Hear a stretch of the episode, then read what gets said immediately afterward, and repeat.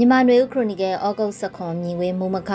ရေဘေးဒုက္ခစာဝိတ်နေရေးနဲ့အသက်ရှင်ရေးစိန်ခေါ်မှုတွေရင်ဆိုင်နေကြရတဲ့မြန်မာနိုင်ငံသားတွေရဲ့ဘဝလို့အမည်ရတဲ့မိုးမခဆောင်းပါဖြစ်ပါတယ်။မြန်မာနိုင်ငံရဲ့မုတ်တုံရာသီအလဲကာလဖြစ်တဲ့ဇူလိုင်ဩဂုတ်လတွေမှာပုံမှန်အားဖြင့်မိုးများတာမြည်မြင့်တက်တာတချို့သောနှစ်တွေမှာရေကြီးတာတွေဖြစ်နေကြဖြစ်ပေမဲ့အခုနှစ်ပိုင်းတွေမှာတော့ကမ္ဘာပူနွေးမှုကြောင့် ရာသီဥတုဖောက်ပြန်တဲ့အကျိုးဆက်တွေအခြားနိုင်ငံတွေနီးတူမြန်မာနိုင်ငံမှာလည်းခံစားကြရတာကြောင့်ရေကြီးမြေပြိုလမ်းတွေပျက်စီးပြတ်တောက်တဲ့အဖြစ်အပျက်တွေကနှစ်စဉ်မိုးရာသီတိုင်းလိုဖြစ်လာနေတာတွေ့ရပါတယ်။ကမ္ဘာနဲ့ဆိုင်တဲ့အပူချိန်မြင့်တက်ခြင်းအပြင်ကိုယ့်ရဲ့ဒေသကိုယ့်နိုင်ငံကတတော်ပြုံးတီးတာကြောင့်မိုးတိထန်တာနဲ့ရေရုပ်ရက်ကြီးတာမြေပြိုတာလူနေထိုင်ရာနေရာတွေရေနဲ့မျောပါတဲ့အဖြစ်မျိုးတွေချောင်းတွေကောကုံတာကြောင့် ရေကြီးမှုကနှစ်စဉ်ဖြစ်နေကြအဖြစ်ပြက်သဖွယ်ဖြစ်လာတာတွေကရေမြေဆက်ဆက်နေတဲ့ဒေသတွေမှာကြုံရတဲ့အကျိုးဆက်တွေဖြစ်ပါတယ်။တတော်ပြုံးတီးမှုနဲ့ရွှေတူးဖော်မှုကြောင့်မြစ်ချောင်းပျက်စီးမှုဆိုးလာတဲ့ကချင်ပြည်နယ်၊သခိုင်းတိုင်းမြောက်ပိုင်းလိုဒေသတွေမှာရေကြီးမှုကနှစ်စဉ်လိုလိုဖြစ်လာနေပြီးတချို့နှစ်တွေမှာမိုးရသည့်တရားသည့်ထဲမှာတော့ရေကြီးတာကိုတစ်ကြိမ်မကခံစားရတာတွေလည်းဖြစ်လာနေတာတွေ့ရပါတယ်။ ဒီလိုပတ်ဝန်းကျင်ပျက်စီးမှုကြောင့်တဘာဝဘေးအန္တရာယ်တံပိုခံရတဲ့အကြောင်းတွေက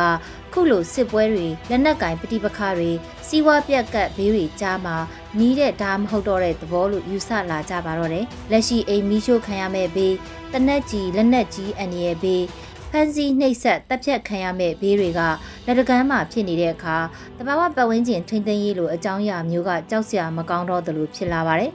လက်တလောအသက်အန္တရာယ်ကအရာရာထက်စိုးရိမ်ကြောက်လန့်စရာပိုကောင်းလာတာအသက်အန္တရာယ်ပြီးတာနဲ့နေ့စဉ်ထမင်းနက်မှန်ရေးကဒုတိယဖြစ်လာတာကြောင့်တချို့ဒေသတွေမှာလက်နက်နဲ့ပြစ်ခတ်ခံရနိုင်တဲ့အန္တရာယ်ရှိတဲ့ကြားကအလောက်ကိုင်အတွက်သွာလာနေကြရတာအင်ကြီးချင်းနိုင်ငံတွေမှာအလောက်သွားလို့ဖို့တရားမဝင်ခိုးဝင်ကြရတာတွေအထိစွန့်စားလောက်ကင်နေကြရတာဖြစ်ပါတယ်အခုရက်ပိုင်းမိုးတီးထန်တာစံချိန်တင်လောက်အောင်ရွာသွန်းတဲ့မိုးကြောင့်ရေကြီးတဲ့ဒဏ်တွေကိုမြန်မာနိုင်ငံအောက်ပိုင်းနဲ့ရှမ်းပြည်နယ်အရှေ့ပိုင်းတွေမှာခံစားနေကြရတာဖြစ်ပါတယ်တိုင်းပြည်ကလက်နက်ကင်ပဋိပက္ခတွေဖြစ်ပွားနေချိန်လူလူကလက်ရှိအုပ်ချုပ်ထားသူကိုမယုံကြည်တဲ့အချိန်အုပ်ချုပ်ရေးအာဏာကိုချုပ်ကင်ထားတဲ့အဖွဲ့အစည်းကလူထုကိုရန်သူတစ်ပိုင်းရှုမြင်နေချိန်မှာအခုလိုတဘာဝဘေးအန္တရာယ်ကြောက်ရောက်နေတာဖြစ်ပြီးတချို့သောစစ်ဘေးရှောင်ဒေသတွေမှာတဘာဝဘေးအန္တရာယ်ကိုပါထပ်ဆင့်ခံစားကြရတာတွေလည်းရှိလို့အဲ့ဒီဒေသကသူတွေအဖို့အခက်အခဲအကျက်တဲပေါင်းစုံကိုခါးစည်းခံစားကြရတာဖြစ်ပါတယ်။ ကရင်ပြည်နယ်ကကျေးရွာတွေ၊ကယားပြည်နယ်ကကျေးရွာတွေ၊စကိုင်းတိုင်းနဲ့ချင်းပြည်နယ်တို့မှာ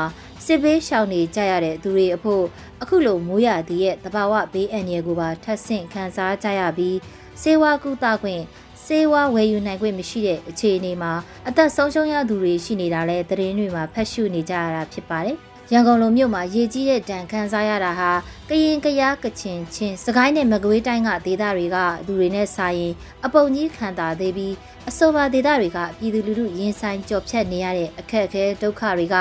တွေးကြည့်ရုံနဲ့တောင်ရင်မောစရာကောင်းလာတာဖြစ်ပါတယ်။အခုလိုအခြေအနေအောက်မှာအလိုရှင်ရှိတဲ့အတိုင်းကူညီခွင့်ပေးပို့ခွင့်မရှိတဲ့အခြေအနေမှုလို့ဒုက္ခရောက်သူအချင်းချင်းရှိတာနဲ့ကူညီနိုင်တာကလွဲလို့အခြားနည်းလမ်းမရှိတာလည်းဖြစ်ပါတယ်။ ဒီနေ့အတွက်အခြားသောစိတ်ဝင်စားစရာသတင်းတစ်ပုဒ်ကတော့စကိုင်းမြို့အဝင်ရဲနာပုံတရားထိတ်က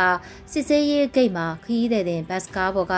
PDF အဖွဲ့ဝင်တချို့နဲ့စစ်စေးရေးဂိတ်ကစစ်ကောင်စီတပ်တွေအပြန်အလှန်ပစ်ခတ်ကြပြီးနောက် PDF တပ်ဖွဲ့ဝင်2ဦးသေဆုံးကအခြားခီးတဲ့တချို့လည်းအပြန်အလှန်ပစ်ခတ်မှုအကြသေဆုံးခဲ့ရတဲ့သတင်းဖြစ်ပါတယ်။ PDF အဖွဲ့ဝင်2ဦးအနည်းဆုံးသေဆုံးပြီးတဦးအဖမ်းခံရတယ်လို့သတင်းတချို့ထွက်ပေါ်တာလည်းတွေ့ရပါတယ်။ ကရင်ပြည်နယ်ဘက်ကလက်နက်နဲ့ကြီးစံတွေဝယ်ယူသယ်ဆောင်လာတဲ့ PDF အဖွဲ့ဝင်တွေတရားစစ်ဆေးရေးဂိတ်မှာစစ်ဆေးစဉ် PDF ဘက်ကစတင်ပစ်ခတ်ခဲ့တာလို့သတင်းတွေကဆိုပါတယ်။စကိုင်းတိုင်းအတွင်းမြို့နယ်အများအပြားမှာဖြစ်ပွားနေတဲ့ခုခံတိုက်ခိုက်မှုတွေအတွက်လက်နက်လိုအပ်တာကြောင့် PDF အဖွဲ့တွေအနေနဲ့ကချင်ပြည်နယ်ဒါမှမဟုတ်ကရင်ပြည်နယ်ဘက်တွားရောက်ခါလက်နက်ဝယ်ယူကြတယ်လို့မှန်းဆရပါတယ်။ PDF တွေကိုထောက်ခံတဲ့ရရွလူလူကစုဆောင်းထည့်ဝင်ကြတဲ့ငွေနဲ့မှောင်ခိုဈေးကွက်မှာတနက်တလက်ကိုသိန်းရချီပေးဝယ်ကြရတယ်လို့သတင်းတွေအရသိရှိရပြီးအခုပြစ်ခတ်ခံရလို့အသက်ဆုံးရှုံးသွားတဲ့ PDF တွေနဲ့အတူ